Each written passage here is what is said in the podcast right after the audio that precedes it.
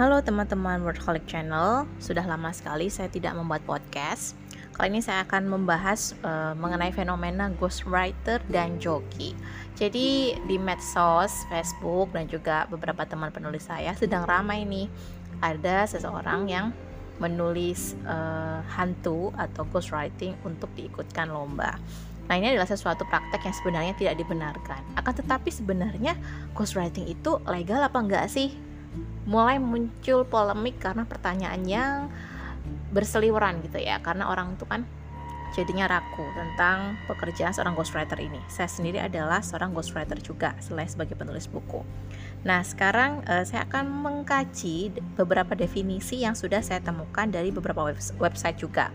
Nanti kita analisis secara singkat di sini dan teman-teman bisa mengambil kesimpulan apa sih ghostwriter itu jadi kalau menurut artikel di glints.com Sebenarnya ghostwriter adalah seseorang yang dipekerjakan oleh seseorang atau perusahaan dan bertugas untuk menulis untuk mereka.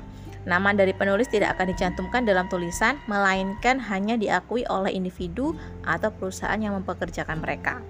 Kayak gitu ya. Nah, sekarang kita masuk ke joki gitu ya joki joki itu uh, katakanlah kita seringnya dengar joki tugas atau joki skripsi. Tetapi orang-orang yang menggunakan joki ini juga dianggap tidak kredibel tidak berpengalaman gitu. Uh, joki ini adalah orang-orang yang ya dia hampir-hampir mirip gitu. Tip, bedanya tipis banget. Sama-sama mengerjakan atau menulis untuk orang lain.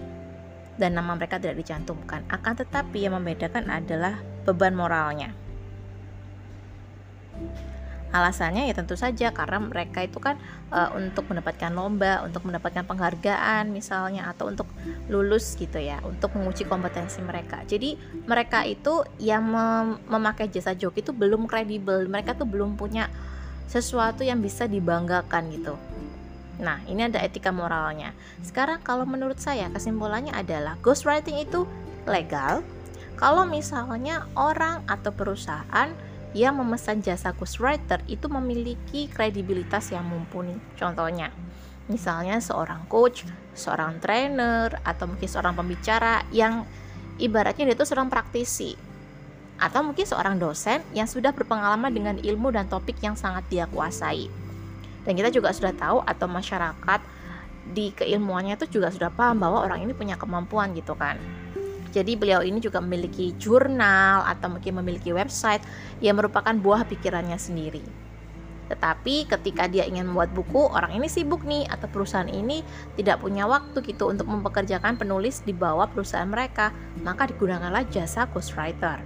Nah, itu menurut saya masih legal sesuai dengan kaidah ghostwriter yang sebenarnya. Akan tetapi, kalau misalnya katakanlah aku juga pakai ghostwriter tapi buat skripsi atau buat lomba menulis itu adalah sesuatu yang salah. Berarti posisinya bukan ghostwriter lagi tapi joki. Jadi sudah melenceng lagi konsepnya. Karena apa? Karena e, orang yang ingin menang lomba atau lulus skripsi ini adalah orang-orang yang belum punya kemampuan. Mereka itu belum punya ini ya mereka cuma males aja buat mikir. Mereka cuma ngasih sumber-sumber ngasih referensi akan tetapi mereka tuh kan kemampuannya tidak bisa dipertanggungjawabkan ilmu yang mereka punya belum bisa dinilai. Misalnya nih mereka menang lomba tapi kan itu bukan hasil buah pikirannya. Dia belum terbukti gitu untuk sebagai seorang penulis. Dan juga kemudian untuk yang uh, ingin lulus skripsi atau tesis ini kan berbahaya karena ketika mereka lulus nanti entah menjadi seorang PhD, master atau seorang sarjana ilmunya tuh tidak benar-benar berasal dari penelitian mereka atau buah pikiran mereka jadi ini yang membedakan antara joki dan ghostwriter yang ilegal. Teman-teman bisa uh, berpikir sendiri ya. Kalian adalah orang-orang yang cerdas, saya yakin sekali. Apalagi dengan konsumsi media seperti ini. Pada dasarnya kalau untuk hukum jual beli sama-sama sah, ya kan? Karena penulis dan pembeli sudah menyepakati harga tertentu. Akan tetapi sebenarnya ini menjadi sesuatu yang sangat riskan kalau digunakan untuk khasana keilmuan ya mas jadi uh, ini yang harus kamu perhatikan tadi ada sedikit sponsor karena saya lagi bikin podcast di kantor lagi penuh gitu di kepala saya dan ada bos Jepang saya datang makanya saya mengucapkan selamat pagi skin, uh, sepintas nah itu yang e, menurut saya teman-teman perlu pikirkan. Jadi, menurut kamu bagaimana tentang fenomena ini? Saya harap kamu menjadi seorang pemikir yang bijak dan penulis yang bijak supaya tidak lagi menganggap ghostwriter itu legal, uh, ilegal ya maksud saya dan menganggap joki adalah sesuatu yang legal. Jangan sampai terbalik. Lihat dulu konteksnya, lihat dulu konsepnya dan juga siapa yang menggunakan jasa ghostwriter tersebut. Oke, inilah podcast hari ini.